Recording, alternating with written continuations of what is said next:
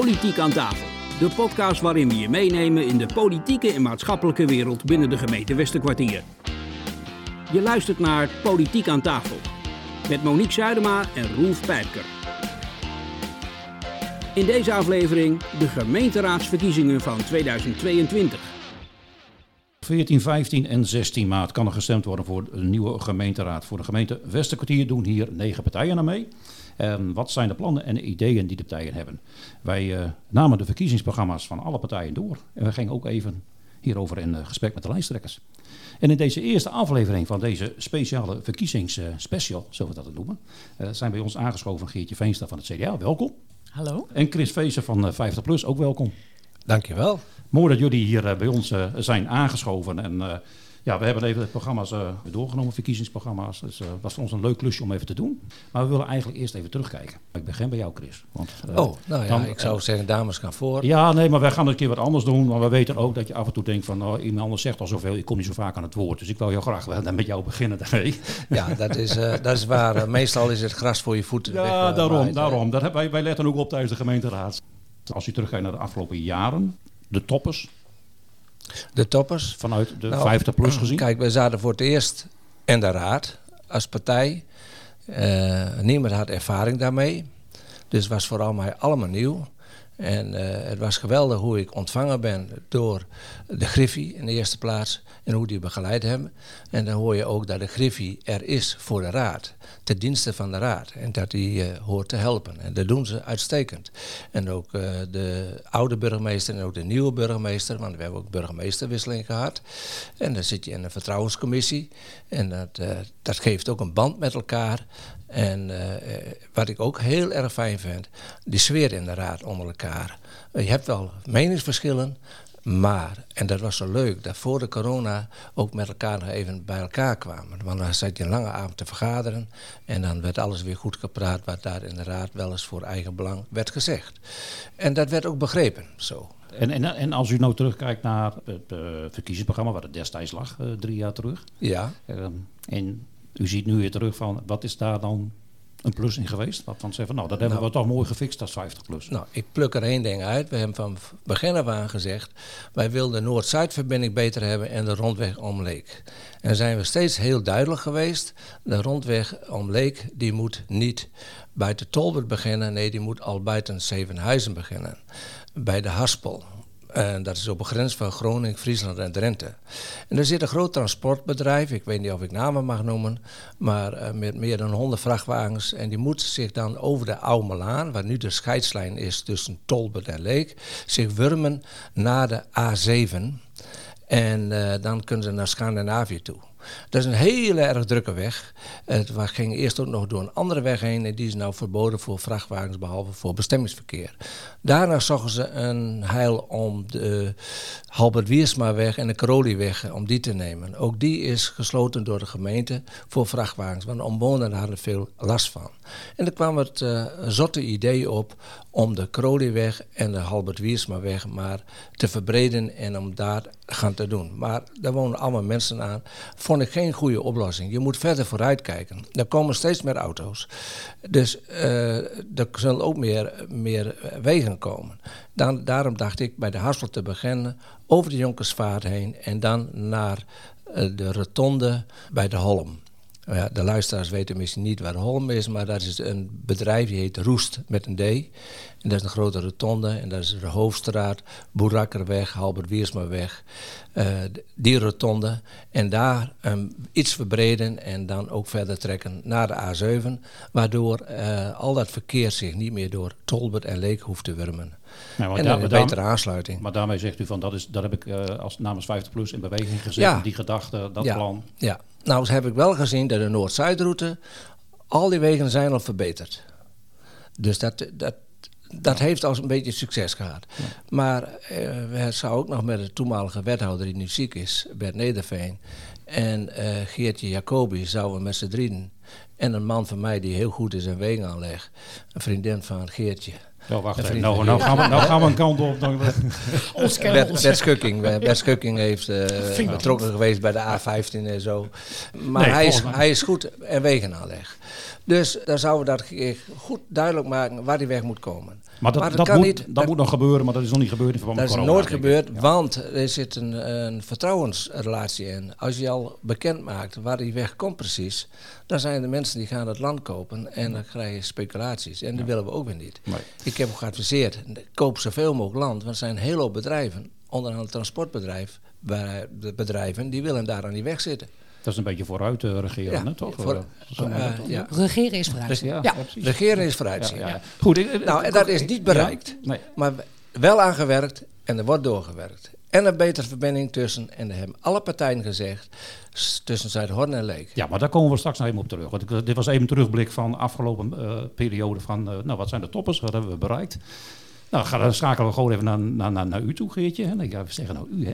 Nee joh, maar je mag gewoon je zeggen. je zeggen, ja, vind daar je voel dat ik mij- fijner? Ja, Nou, daar voel ik mij veel plezieriger bij. Geldt het voor jou, eh, voor u Ja, ook, ja, eh, zeker. Geldt het Ja, voor u zeker. jou ook, Chris? Of gaan Ja, dat was, je zeggen? was al Ja, Chris, hè. dus- Ja, Oké, daarom. it's a deal. It's for you. Ja. Ja, ja oké, doen we dat. Als jij terugkijkt, eh, hoe kijk jij terug? Nou, dat hebben we ook in ons verkiezingsprogramma proberen neer te zetten. Want we vinden het heel belangrijk dat wij en kunnen eh, nou, een soort van aantonen dat wat wij de vorige keer graag wilden, dat dat ook zichtbaar is voor de mensen. Dus daarom hebben wij ons verkiezingsprogramma ook op deze manier opgesteld.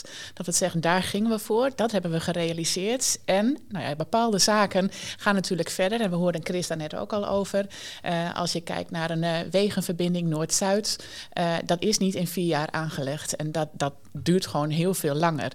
Nou, nogmaals, het staat dus heel duidelijk eh, in ons verkiezingsprogramma. En tegelijkertijd weten we ook dat we de afgelopen periode met een heringedeelde gemeente ontzettend veel te maken hebben gehad met beleidstukken die je nou eigenlijk een soort van eenmalig moet vaststellen, die wel weer kunnen eh, terug kunnen komen op het moment dat er veranderingen in plaatsvinden. Maar ja, die harmonisatie heeft gewoon ontzettend veel tijd en energie gekost. En nou, daarin hebben we als raad gezamenlijk gewoon grote stappen gemaakt. Wat niet altijd heel erg ehm, leuk is voor inwoners naar te luisteren. Maar wat wel, ja, behalve voor de mensen die natuurlijk dat ontzettend, eh, ik zie Monique lachen, eh, maar die dat ontzettend leuk vinden om wel te horen. En ook daarachter kunnen lezen van, hé, hey, wat, wat zijn gedachtegangen daarachter? Hè? Dus dat, daar moet je echt wel verder voor, eh, voor dieper voor denken. Maar dat is natuurlijk een enorme klus geweest van de afgelopen periode. En in die zin sluit ik ook wel aan op wat Chris zei. We zijn, we zijn een fijne raad. We hebben eh, op een onwijs leuke manier met elkaar opgetrokken. En ik denk ook dat we met z'n allen trots kunnen zijn op datgene wat we bereikt hebben. In, in drie jaar tijd. Nou, ja. Toch? Ja. Van, van, eh, van alles samenstellen, Ja. neerzetten. En, Ja. en is er nou echt één ding waarvan je zegt van nou, dat, dat, dat heeft CDA toch mooi bereikt. Eén, kun je één dingetje nog noemen? Nou, als ik, mag ik dan misschien twee eh, noemen? Want wat wij heel Nou, twee, twee kleintjes is één hele. Ja, ja, dat, ja. En, en die hebben wel een beetje hetzelfde idee namelijk. En die komen ook heel duidelijk richting een nieuw item. wa- Wat wij hebben in ons huidige verkiezingsprogramma. Dat is dat wij hebben gevraagd in de coalitieonderhandelingen ook om dorpswethouders. Eh, omdat wij ons realiseerden dat er ook heel veel mensen waren die dachten van nou, we gaan veel verder naar van de inwoners afstaan als bestuurders, als raad. En op het moment dat je het gezicht bent wat, nou, wat, je, wat echt aan te spreken is, dan geef je alleen al het gevoel om dichter bij de inwoners te zijn. En die terugkoppeling hebben wij ook daadwerkelijk van dorpen en van kernen teruggekregen. En ja, waar we natuurlijk heel erg trots op zijn als de CDA-fractie, is de ombudsfunctionaris. ehm, die gewoon ook echt zinvol werk heeft gedaan. En eh, leuk is die in verschillende verkiezingsprogramma's nu terug te kunnen lezen. Ja, dat komt natuurlijk uit onze koker. En dat is, eh, ja, dat is leuk om te horen. En niet alleen leuk, eh, maar waar wij in geloofden wat de nood was, wat er nodig was in onze gemeente, dat is ook zo gebleken. Dus wij hebben daarin eh, een goede inschatting kunnen maken. En een tevreden terugblik. Ja, ja, zeker. Ja, Ja, nou, mooi. ja. Ik hoor een aantal dingen al eh, eh, voorbij komen. Ik hoor voorbij komen de, de, de ombudsfunctionaris. Ik hoor de rondweg Leek ook voorbij komen. Infrastructuur, De in infrastructuur, precies, ja, die juist. moeten we zeker verbeteren. Alleen Ja. daar, daar verschillen partijen wel degelijk eh, over van mening. Ja. Dat is eigenlijk ook een beetje waar we naar op zoek zijn. Hè? Want Ja. als je, eh, hè, we hebben natuurlijk alle programma's bestudeerd van alle partijen. Er zijn heel veel eh, gemeenschappelijke dingen. Infrastructuur, eh, we willen dichtbij, duurzaam zorg, et cetera. Maar wij zijn eigenlijk een beetje op zoek naar de verschillen. Eh, uh, je refereerde net al aan je programma, maar er zijn heel veel mensen die natuurlijk die programma's niet lezen.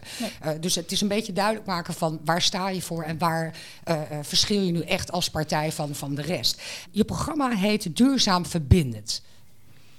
Kun je kort uitleggen, duurzaam verbindend? Wat, wat bedoel je ermee? Ja, zeker kan ik dat uitleggen. Met duurzaam verbindend uh, hebben wij ook, uh, want we hebben natuurlijk als fractie zijn we ook onderdeel van een coalitie uh, als coalitiepartij. En daarin hebben wij een wethouder, Hielke Westra, die daarin die portefeuilles ook heeft nou, gehad. of nog steeds heeft eigenlijk. En dat duurt natuurlijk voor totdat wij een nieuw college hebben.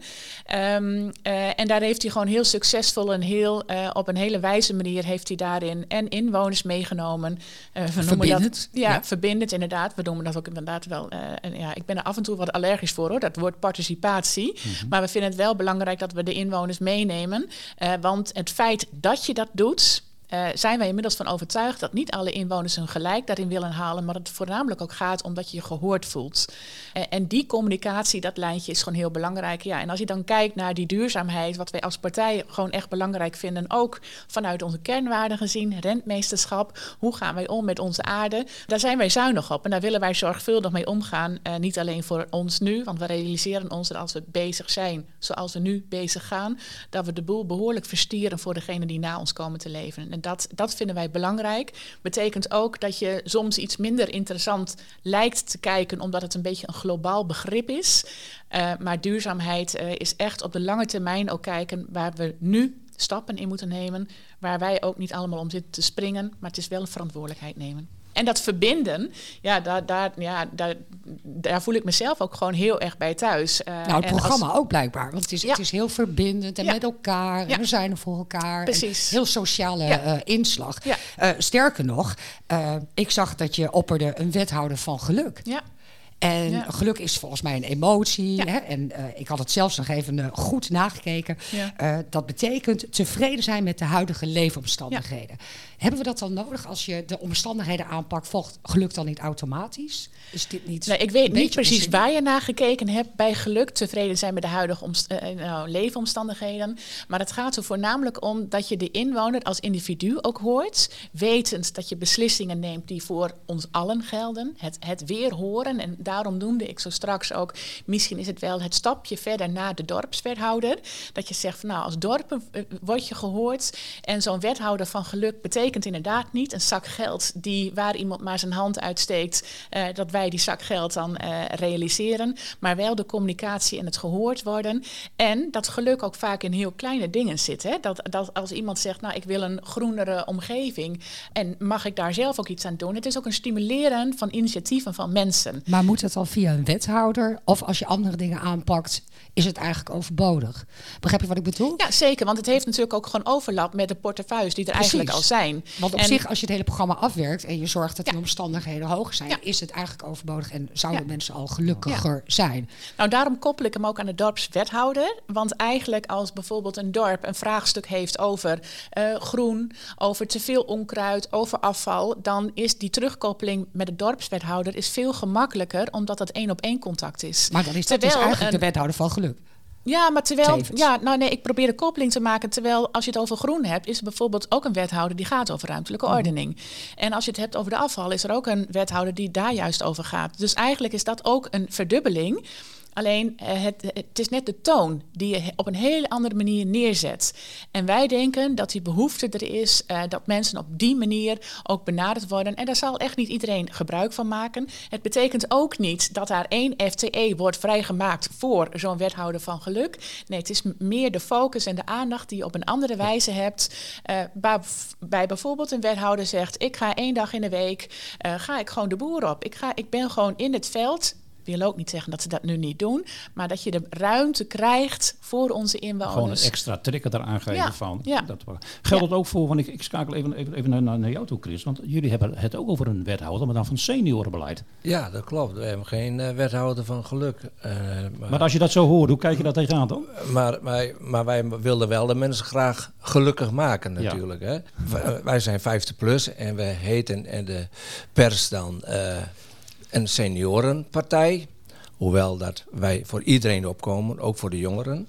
En uh, wij willen graag een wethouder seniorenbeleid met onder andere ook wonen en WMO in de portefeuille. En een WMO is ook niet alleen voor de ouderen. Gratis openbaar vervoer in de daluren van 10 uur tot 4 uur voor de AOW'ers. Met opzet AOW'ers, want de AOW'ers tegenwoordig al met 67,7 maanden of zo. Dus dan heb je een duidelijke grens van die komt wel. Dus niet met 65 jaar, hebben we ook wel over nagedacht. Nee, AOW, dan heb je een minimuminkomen en dan kunnen die daar gebruik van maken. En voor de minder validen en het hele Westerkwartier. En het weekend de hele dag. Nou, elke drie jaar een keukentafelgesprek met een 70-jarige en mantelzorger door een ouderencoach. Ja, ik, ik, ik, ik, onderbreek je even, want die, die heb ik hier ook staan, want daar haak ik gelijk even op in. Want voordat je al de, al de speerpunten uh, gaat noemen. Uh, dat keukentafelwerk, 70 jaar, is dat nou weer een bewuste keuze qua leeftijd gemaakt daarin? Ja, Waarom niet ja, met iemand van ja. 65 Nou, bijvoorbeeld? Met een 70-jarige, dus uh, het kan ook 75 jaar. Degene die daar behoefte aan hebben. En waar wij zien dat dat nodig is. En is, is die behoefte er om dat te gaan doen? Ja, soms dan zie je iets, iets gebeuren. Ik woon nu in een seniorenappartement en daar mag je in wonen vanaf 55 jaar. En dan raap ik daar voor de derde keer al iemand op van de grond die daar heel uh, gezond binnenkwam. Mm -hmm. En uh, ik heb nu gezegd van, je moet huisarts bellen en je moet zien dat je in vrede wilt komt, want dit gaat zo niet. En dan, uh, dus dat is dan wel een gesprek voor nodig. Dan ben ik niet die seniorenman uh, die met die man in gesprek gaat, maar dat is gewoon sociaal bezig zijn. Ja, maar, maar heb, je en, niet, heb je daar ook niet een stichting de Schansen daarvoor? Voor dit soort dingen? Die zitten vlak naast, maar die zijn daar niet bereikbaar als die man uh, s'avonds op de grond ligt. Maar, ze, nee, maar zou, zou, je dan, weekend, zou je dan als gemeente daar niet iets in kunnen gaan regelen? Nee, dat moet het publiek zelf doen. Dan uh, moet je ja. echt alert zijn. Ik heb direct 112 gebeld en hij is met de ambulance ook afgevoerd. Nou ja, ik, ik zie Geertje op het puntje van de stoel zitten.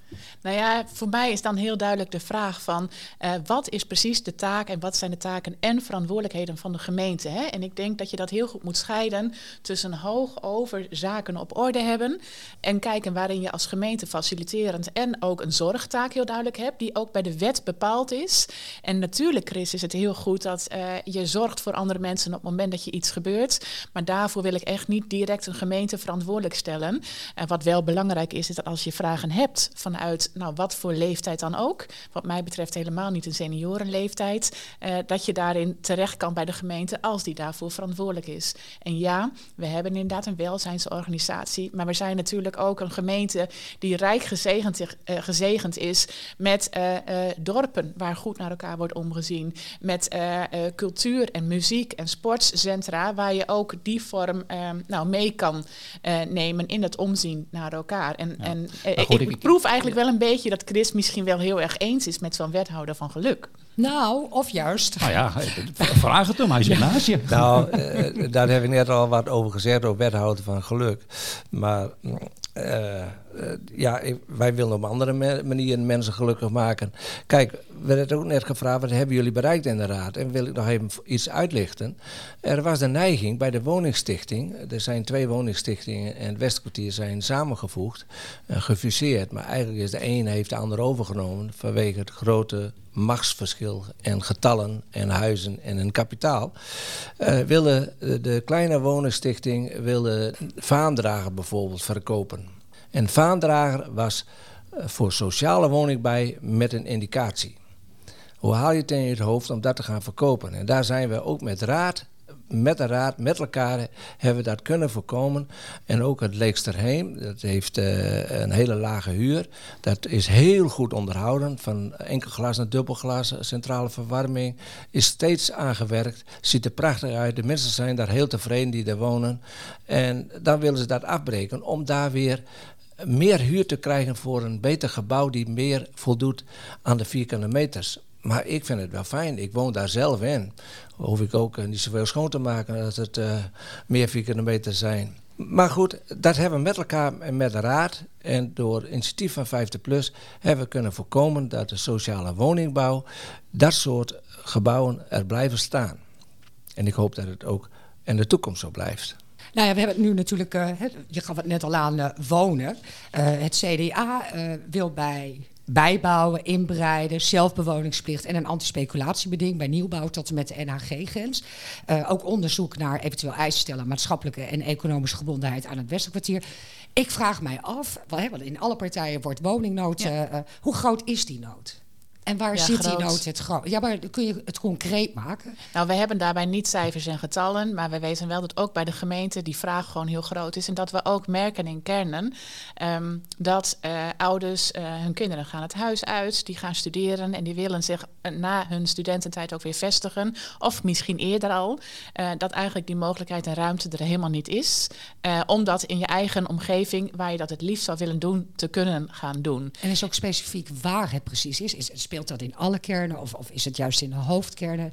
Ik, weet je, ik hoor eens constant woningnood, woningnood. Ik vraag me dan af, hoe groot is het concreet? Is dat inzichtelijk? Hoeveel woningen hebben we nodig? Eh, eh, hoeveel mensen staan op wachtlijsten?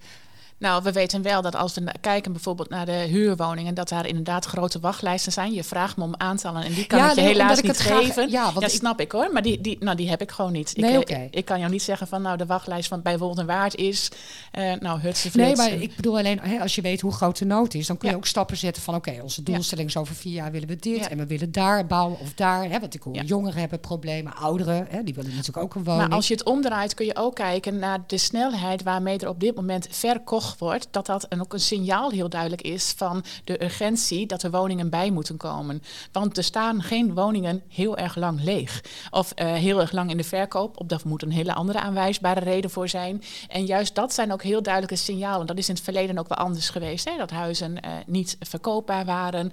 En nu eh, ja, moet je kijken hoe. Enorm schrikbarend het soms is. Wat voor bedra- eh, prijzen en bedragen er voor gebouwen en huizen wordt gevraagd. ja. Dus dat is ook meer een signaal wat we heel serieus nemen. Eh, daarbij weten we ook dat het niet een eh, lokaal probleem is, maar dat het hele punt wonen zie je ook landelijk in, nou ja. Ik, ik zou bijna zeggen alle verkiezingsprogramma's terug. Eh, dat, dat, dat, dat weet ik niet, want dan, dat heb ik gewoon. moet je allemaal lezen. Dan moet ik ze allemaal lezen en dan slaap ik nooit weer, inderdaad. Maar ze komen Maar- in de ja. gemeente Westenkwartier wel overal. Precies. Ja, Ja, en ik denk eigenlijk maar gewoon even als, als heel, heel simpel iemand. eh, als iedereen inzet op wonen, en we hebben een probleem, we moeten inbreiden. Eigenlijk he- alle partijen hebben dezelfde. Waarom wordt het niet geregeld? Als iedereen daar het over eens is, hè, een gemeente heeft grond, er zijn lege panden. Waarom wordt dat nu niet aangepakt? Nou, er zijn natuurlijk ook gewoon afspraken die je eh, terug moet koppelen aan wat er provinciaal wordt afgesproken. Hè? Dus als gemeente sta je daar niet individueel in. Je bent gewoon afhankelijk van ook provinciale regelgeving, omdat je, eh, nou, dat is ook een afspraak die je van tevoren met elkaar hebt gemaakt. En eh, daarin merk je dat je als gemeente misschien wel zou willen, maar er zit zeker ook wel een traagheid in. en, ehm, en ook wel een bureaucratie zit erin. Dat heel veel, nou ja, je hebt net een hele prachtige volzin eh, opgelezen. Die ik Mooi, hè? niet- ja, die heb je heel knap gedaan, maar die Ja. kan ik niet uit mijn hoofd. Maar er staat natuurlijk wel heel veel in waarin eh, richtingen kunnen worden Ja. aangegeven, waarmee het vergemakkelijkt kan worden door eh, om te gaan bouwen, maar ook om te gaan kijken. Mensen wonen in een heel groot huis. Hoe kun je dat bijvoorbeeld splitsen? Hebben we aandacht voor gevraagd eh, als CDA-fractie. Dat als je tijdelijk zegt van, hé, voor mij is het eigenlijk te groot, maar ik heb wel ruimte voor iemand anders erbij. Nou, dat die mogelijkheden er zijn, waarbij je voor dit moment gewoon een oplossing zou kunnen bieden. En, en hoe zit dat met de seniorenwoning? Hetzelfde probleem? Nou, ik, eh, ik, ik ben blij dat je dat vraagt, dankjewel. Want eh, het Leeksterheem heeft bijvoorbeeld 85 woningen en er staan er acht van leeg. En bij Wold en Waard staan er drie op een site die beschikbaar zijn. Eh, waar die andere vijf voor zijn. Maar die, er wordt ook weer gevraagd, willen jullie mensen tijdelijk opvangen daar? En er is één woning, dat is een doorstroomwoning is voor mensen die tijdelijke woningen hebben, eh, nodig hebben. Maar ik vind het wel vreemd dat er eh, acht leeg staan en dat er dan maar drie op een lijst staan. Als zolang als de huur betaald wordt, dan, dan kunnen ze het ook niet verhuren. Die woning misschien wel leeg. Dus dat kan ik niet helemaal doorzien. Eh, verder, wij zitten in de oppositie. Dus de coalitie die bepaalt eigenlijk wat er gaat gebeuren. En eh, ik zie dat burgemeester en de wethouders eh, toch dingen doen. Wij zijn, waren iedere keer tegen zonneparken op, eh, op landbouwgrond. En toch zie ik ze overal verschijnen. En ik heb ook begrepen dat de raad wel een beetje het met me eens is. En toch ontstaan die zonneparken. Dus hoe kan dat dan? Wij zeggen iedere keer... Maar wat, wat, wat doe je dan daar als partij aan? Want je, zegt, je, je voelt je eigenlijk zeggen, nou, ik zit op Ah, oppositie ze liggen- en, ze luisteren ze- niet. Ze liggen er al, voordat ik het in de gaten heb. En dan eh, zeg je van, waarom niet op de daken? Eh, ja, maar dan kan de stroom niet afgevoerd worden. Ja, het is schijnbaar gemakkelijk om met zonneparken de stroom af te voeren. Maar het is heel dubbel, vind ik eigenlijk. Want er zijn boeren die gaan eh, gezonde grond verkopen aan beleggers. En die zetten daar zonneparken op. En dan geven we toch aan de gemeente geeft daar toestemming voor. Wat wil de partij 50 plus daar aan? nou, dat willen wij niet. Wat, wij hoe, willen, gaan jullie dat doen? Wij, nou, wij willen, uh, hopelijk komen we in de, in de raad uh, volgende na de verkiezingen. En dan kunnen we zeggen, we, we gewoon geen vergunning meer geven. Of er moet al noodzaak toe zijn op vruchtbare landbouwgrond. Maar, we, wel, we hebben het over, over duurzaamheid. Hè? Dat komt ook in het programma van het CDA uh, voor. volgens mij lees ik in alle partijen over van, daar moeten wij iets mee gaan doen. Hè? Met, met, ja. van het gas af en al dat soort ja. Ja. dingen. komen wij voorbij? Je zult iets moeten. Hoe, hoe, gaat, hoe gaat 50 plus dat nou, doen? Ja, uh, wij zijn wel creatief, want uh, uh, nucleaire energie hebben wij dus afgezworen in Nederland.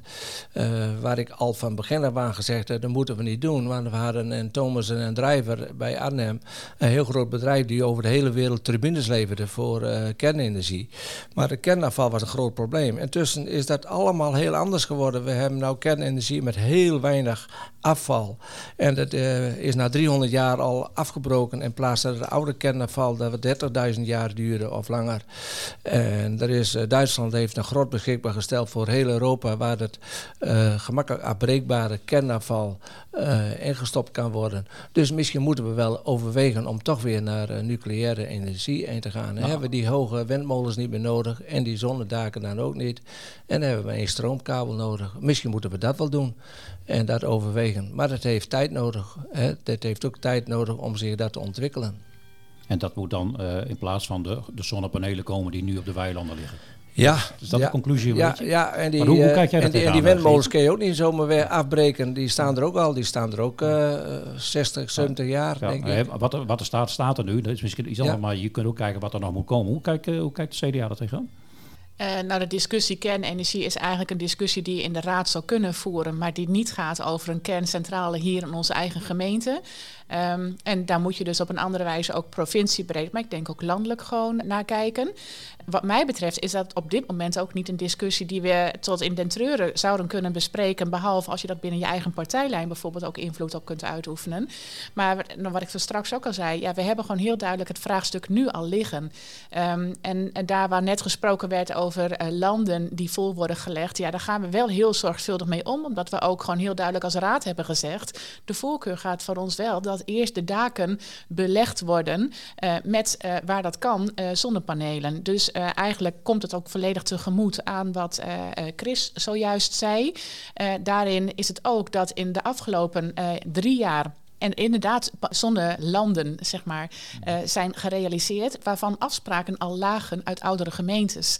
En dat suggereert alsof wij als huidige gemeente die beslissing hebben genomen, maar dat is niet zo. En iets wat bij een voormalige gemeente al is afgesproken, ga je niet meer ontbinden. En er ligt nog een heel ander vraagstuk. En dat is dat je ook heel duidelijk aan, aan dorpen de opdracht geeft van als jullie zelf ideeën hebben over hoe je als dorp duurzaam kunt zijn, willen we daar wel over meedenken. En als daar uh, uit voortkomt dat daar nou, alle daken bijvoorbeeld volgelegd zijn en mensen zelf uh, zeggen, nou wij hebben een gebied wat eigenlijk niet gebruikt wordt als landbouwgrond, uh, maar wat we wel heel goed kunnen inzetten als uh, zonneparkgebied, dan stimuleren we dat zeker omdat dat ook onder inwoners zelf gedaan is. Nou ja, en dat wil niet zeggen dat we blij zijn met alles wat in die duurzaamheid nu gerealiseerd wordt, waarbij we ons wel realiseren dat een windmolen ook eigenlijk van tijdelijke aard is.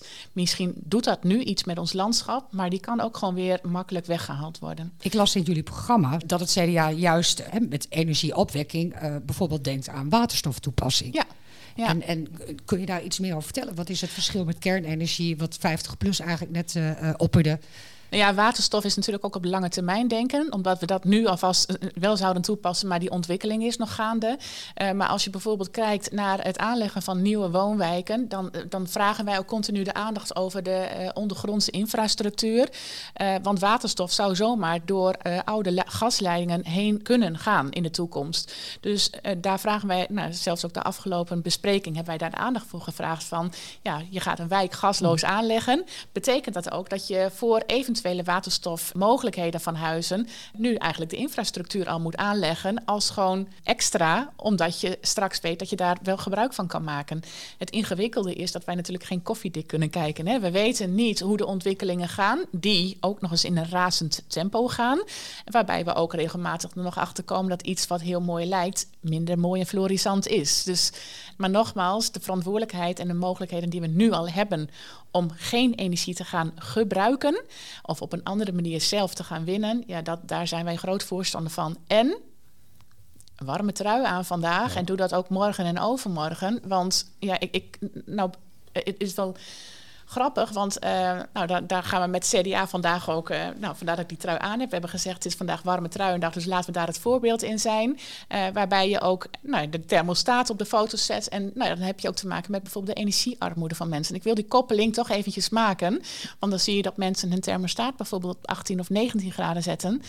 en dat is voor bepaalde mensen heel erg laag, terwijl dat het hoogste is wat mensen die met weinig geld te maken hebben kunnen gebruiken. Okay. Dus um, snap je mm -hmm. wat, wat daar ingewikkeld aan is, dat wij uh, onze waarde aan een warme woning kan ook heel goed gerealiseerd worden door niet de energie te gaan gebruiken. Dus wat je niet nodig hebt. Waarom zou je dat gebruiken? Als je geen energie gebruikt, heb je die zonnepanelen al zo niet nodig. Want Chris, ik zag jou net een ja, beetje opspringen ik daar. zeker interruperen, maar uh, ze was zo druk bezig. Nee, ik heb een vinger omhoog gestoken, ja, ja. maar je ja, maar dat werkt hier niet. Dus, uh, uh, ja, even op het laatste stuk van de waterstof. Waterstof, daar ben ik ook wel voor, Geertje, hoor, daar, daar niet tegen. Maar waterstof moeten we goed beseffen, er is meer energie voor nodig om waterstof te maken dan dat het oplevert. En dat klinkt heel vreemd.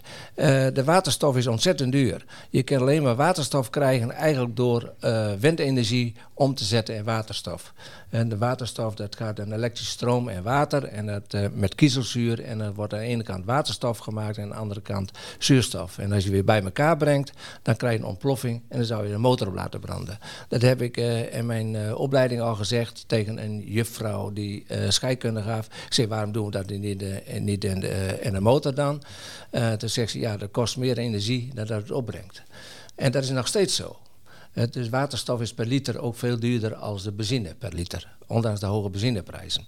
Dat één ding. Het andere ding, waar ik nog even terug wilde komen. is even een vraag. Zat je vorige keer ook in de raad? In, in uh, Zuidhoorn? Ja. Ja? ja. Goed, dan zei jij net van... die panelen die op het land liggen... waren de raadsbesluiten van de toenmalige gemeentes.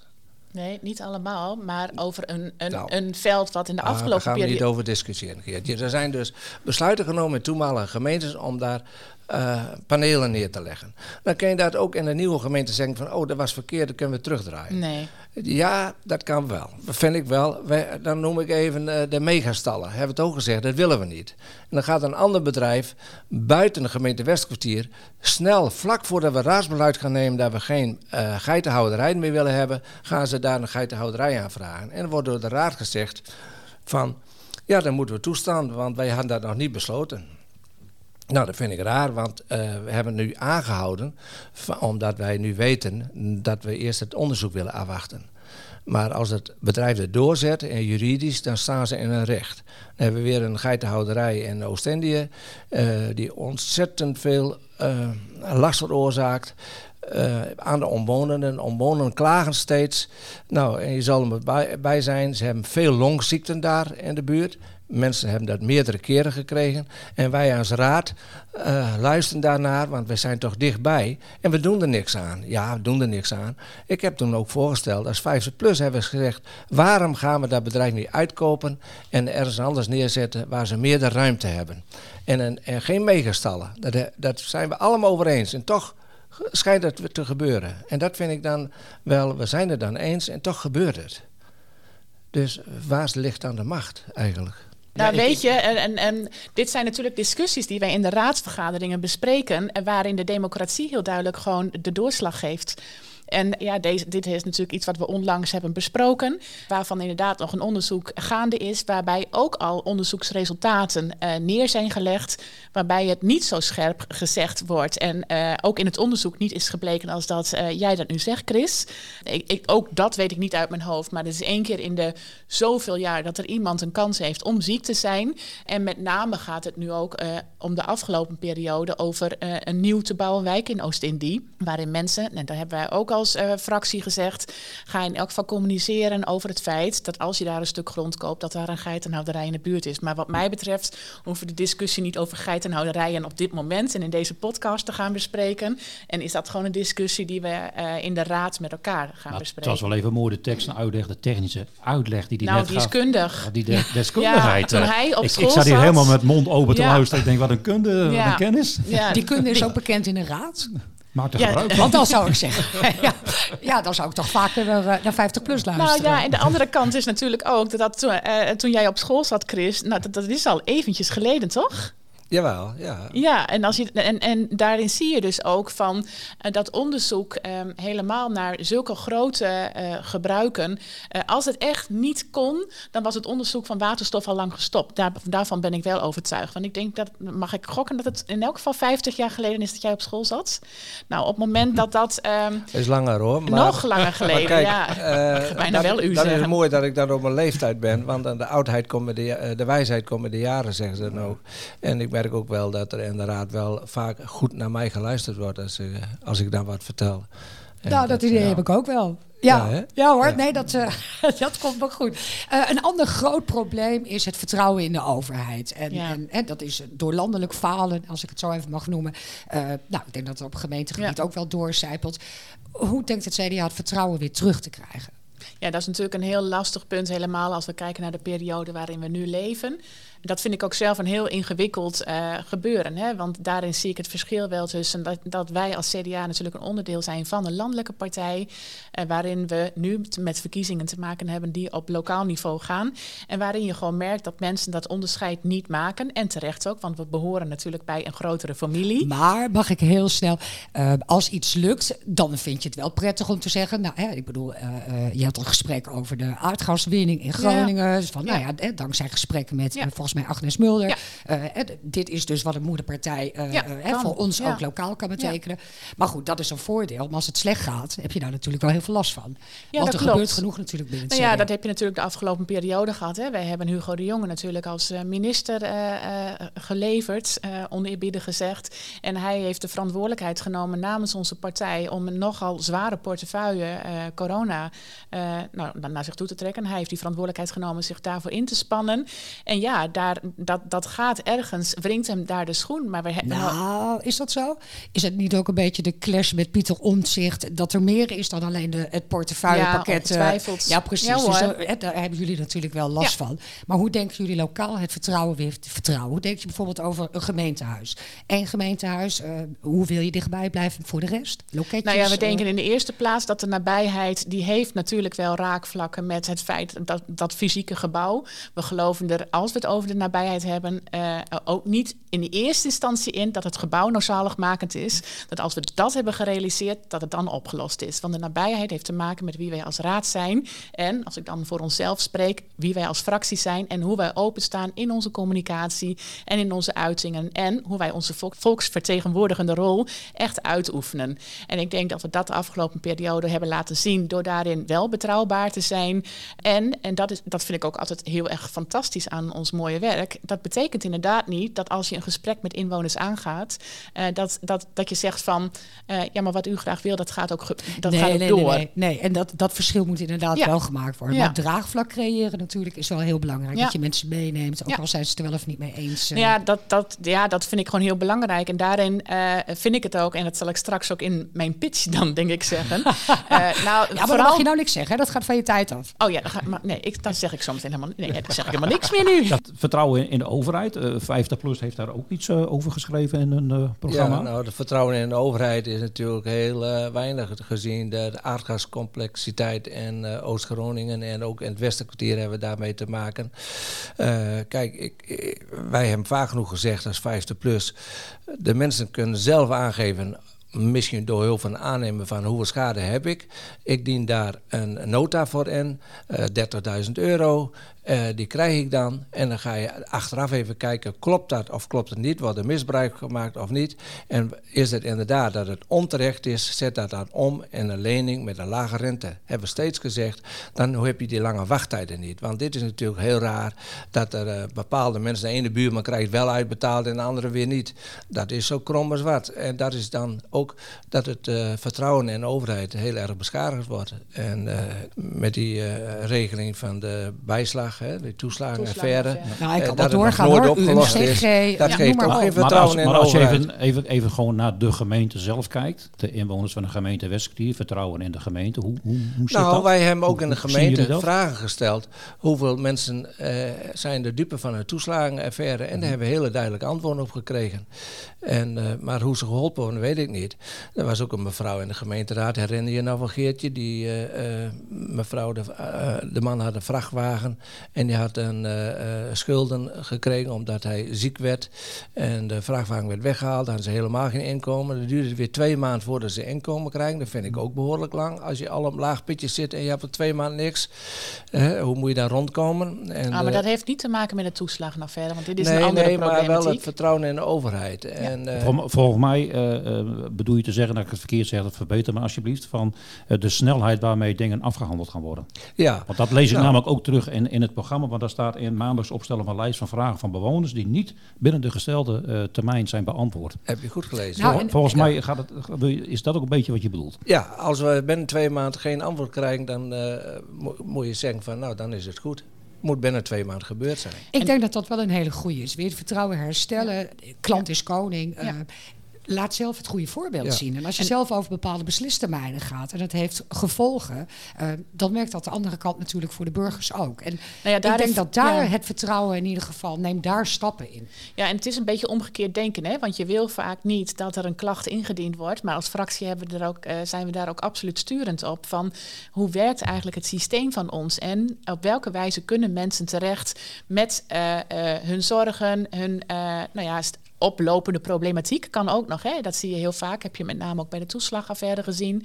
Ja, en dat vertrouwen kun je wel terugwinnen. En daarin zijn er zeker nog ook binnen onze gemeente stappen te maken. En dan, welke stappen zijn dat? Is dat dan, uh, ik, ik hoor heel veel partijen zeggen, nou in ieder geval de telefoon moet normaal opgenomen worden als je de gemeente belt. Dat lijkt mij logisch. Nou, dat maar daar 15, zit dus al, ja precies, maar als het daar al fout minuten. gaat. Ja, precies. Ja. En er is dus, nou teruggebracht tot drie belletjes. Ja, ik ben met een uh, collega uh, naar een andere gemeente geweest waar het heel goed ging. Er ja. zitten vijf mensen op een rijtje. Ja. En uh, na drie belletjes kijken ze elkaar aan van wie neemt die telefoon aan. Ja. En die moeten aangenomen worden. Ja. Maar, maar is dit ook niet, ook. Is maar dit, dat kan niet. Is er ook niet een gevolg van de herindeling Precies. en dat soort dingen Precies, allemaal? want dat is vier gemeentehuizen. Ja. Er zijn overal telefonisten. Die zien elkaar niet, dus ze kunnen elkaar daar niet op aanspreken. Maar het is wel een stuk verbeterd, dat moet ik zeggen. Nou wel door, door de druk van de raad van dit moet gebeuren. Nou ja, en de andere kant is dat je het nu heel vaak vergelijkt. En uh, dat is ook, uh, ook het vertrouwen zeg maar, in lokale overheid. Dat mensen veel zaken een soort van schuld geven aan de herindeling. Alleen we moeten ons wel goed realiseren dat als we niet heringedeeld waren geweest, dat je als kleinere gemeentes misschien wel um, nou, op een ander niveau met onze eigen inwoners had gecommuniceerd. Dag meneer de Boer, u komt weer binnen. Wat fijn, u komt hier elke week. Dat is nu niet meer het geval. Maar in hoeverre dat ook effectief is gebleken. Uh, als je kijkt waar we als gemeentes ook aan moeten voldoen. Hè? En, uh, en dan, heb je, um, dan doen wij ertoe als grotere gemeente. En ja, dat, wordt, dat is niet altijd voor inwoners inzichtelijk. Maar ja, kijk bijvoorbeeld nu naar. Uh, nou, je had het net over de aardgaswinning. Um, nou, als partij hebben we daar ook inderdaad goed over gecommuniceerd gecommuniceerd met Agnes, die in het debat van de week daar zelf op terug is gekomen. Uh, die daarin ook heel concreet wat wij hebben, uh, haar hebben meegegeven, ook omzet in moties, zodat het uitgevoerd wordt. Maar stelt, telt dan echt uh, CDA Westerkwartier als stem echt mee ja? landelijk? Ja. Want dan hebben we er nog wel een paar op te lossen. Ja. Jazeker. Ja, en dat is maar, uh, nou ja, we hebben dan inderdaad over de aardgasproblematiek. En, uh, en, en, wat niet alleen in Westerkwartier is, maar natuurlijk ook veel groter. Je noemde net de kinderhartchirurgie natuurlijk al. Daar hebben we als CDA-fractie ook veel uh, aandacht voor, omdat we daar echt wel onze mening voor hebben. Waarvan het nogmaals ook weer de vraag is of dat een politiek besluit is, of dat het ergens aan, anders aan de grondslag ligt. Nou, daar ben ik wel maar, benieuwd naar. Want volgens mij was het de eigen minister die het besluit destijds heeft ja, genomen hierover. dat klopt. Alleen, nou ja, dan ga je natuurlijk weer de details nee, in. Dat is niet mijn bedoeling, hè. Maar de besturen van ziekenhuizen weten al jarenlang van de keus die voorkomt te liggen. En daarin is men denk ik niet bereid geweest om ook over eigen schaduw heen te stappen. En nou zet ik hem heel zwart-wit neer. Maar soms dan irriteert het me een beetje dat een politiek en, uh, de schuld gaat krijgen. Terwijl de keuze die nu wordt gemaakt, ben ik valikant op tegen. Laat dat gewoon heel duidelijk zijn. En, nou ja, ik heb de foto's gezien. Jij hebt de foto. Ja, ik ben echt, ja, dat, daar vind ik echt iets van. Nou, net als met de aardgasproblematiek, toeslagenaffaire is inderdaad, Chris, jij noemde het al, ook gewoon heel En daarin merk je een andere kernwaarde van ons als uh, uh, CDA-fractie, solidariteit ook, dat je niet alleen binnen je eigen gemeente moet kijken, maar ook als je kijkt naar de aardgasproblematiek, wil je ook gemeentebreed het aanpakken. Kinderhartchirurgie ga, kom je voor het noorden op. En dat is en Drenthe en Groningen en Friesland. Uh, en zo ja, heb je gewoon hele mooie koppelingen, waarbij je, als je kijkt naar het daadwerkelijke raadslidmaatschap, nou, dan is dat best wel ingewikkeld. Want volgens mij, Chris, uh, heb jij op dit moment geen betaalde baan meer. Maar de meeste mensen in onze raad die hebben nog wel een, uh, een functie daarnaast. Uh, nou, je noemde net al, hè, de vragen die jullie kunnen stellen gaan ook heel vaak op detailniveau door. Je moet daar overal maar kennis van hebben. Ja. En, en, dat, en, en, we voelen die verantwoordelijkheid heel erg zwaar. Ik ook persoonlijk. Dat ik denk, ja, maar daar moet ik me nog meer in gaan verdiepen. Terwijl je aan de andere kant soms ook wel iets onmenselijks vraagt van mensen. Want wij hebben daar. Maar in hoeverre is dat dan uh, uh, duidelijk bij de, de inwoners, zeg maar? Dat, van, wij, wij nemen het wel eens mee in onze ja. podcast. Hè? Ja. Van, jullie zijn ook maar mensen, zeggen we dan. Hè? Uh, om weten van wat zit erachter. Maar weet iedere inwoner wel wat een raadslid dan doet? Dat is weer een heel andere discussie, een heel ander verhaal. Van, Maar misschien moet je nou dat nog, ik, nog beter uitleggen. Ik wilde wel even op inspelen, want wat Geertje zei, ik heb dus geen baan. Maar ik heb natuurlijk wel meerdere bestuursfuncties. Je hebt het wel druk. ja, ik heb het wel druk. Maar ik mijn complimenten aan mijn collega raadsleden die een betaalde baan hebben en dan dit raadslidschap er ook nog bij doen. Kijk, ik heb er veel meer tijd om me daarin te verdiepen. Daarom moeten ze allemaal 50 plus stemmen, want dan kunnen ze. Oh, de pitch krijgen we straks. De pitch krijgen we straks. Nou, de pitch kunnen we overstaan. maar hij pakt gelijk zijn cent uh, uh, nog een iets anders, uh, Geertje. jullie wethouder die van Financiën, die gaat van de Bank van Lening en Groningen gaan ze naar Assen toe. En wij als 50 plus gezegd, waarom gaan we niet bij de gemeente zelf een bank oprichten. We kunnen geld lenen tegen 0% rente. En dan ben je dichtbij en dan kun je sneller reageren. Want het duurt weer twee maanden voor de mensen. Maar ik wil je toch echt even onderbreken, uh, Chris. Want het is niet onze wethouder. We hebben een gezamenlijk college natuurlijk. Maar dat is uh, niet onze wethouder geweest. Oh, want nee? uh, het is niet de portefeuille van Hielke geweest. Oh, nee, en, nee, nee, nee, dat klopt. En sterker nog. Ja. Oh, ja. ik ben een andere Geertje. Ja. nee, oké. Okay.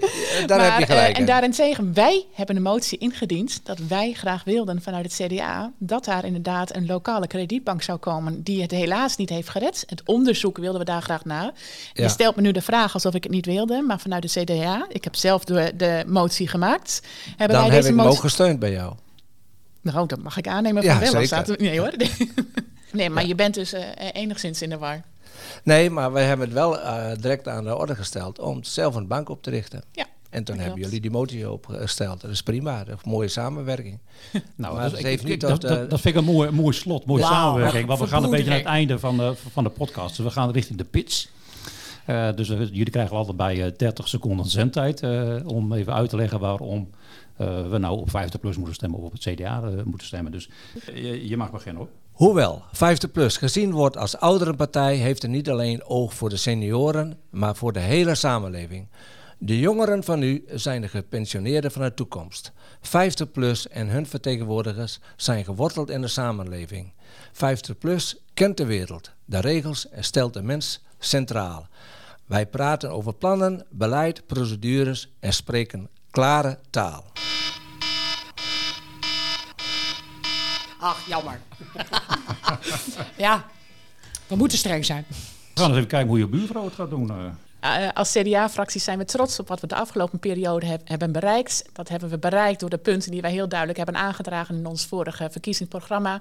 Uh, en wij willen heel graag uh, de aandacht op een aantal zaken liggen die echt ook raadsbreed worden en neergelegd. Wonen, leefbaarheid, duurzaamheid. We hebben het allemaal ge gehoord in deze podcast. Belangrijk vinden wij ook het welzijn en de nabijheid en de communicatie naar de inwoners. Daarvoor hebben wij onze wethouder van geluk. En wil je daar meer over weten, bekijk dan vooral naar onze website. En we zijn daar ook op Uw benaderbaar. tijd is om. Het allerbelangrijkste vinden wij dat u in elk geval stemt. Want als je stemt, dan mag je, wat mij betreft ook, nou, dan heb je recht van spreken. Dus ik wil vooral de mensen oproepen, stem vooral. Daar ben ik het heel mee eens. We willen jullie bedanken voor jullie komst hier en eh, voor, het, ge- voor het gesprek wat we hier hebben gehad. Dank jullie wel. Ik vond het heel erg leuk en vooral dat ik met Geertje was. ja, nou, maar dan hadden Hebben we... we expres gedaan. Geertje die appte mij, ik, ik wil wel graag weten de keuze. Nou, dit was Ja. nou de aanleiding. Jij wou het heel... Ja, Nou, ja, Ja, ja, ja. Ja. Nee, dank jullie wel. ja, jullie ook heel erg bedankt.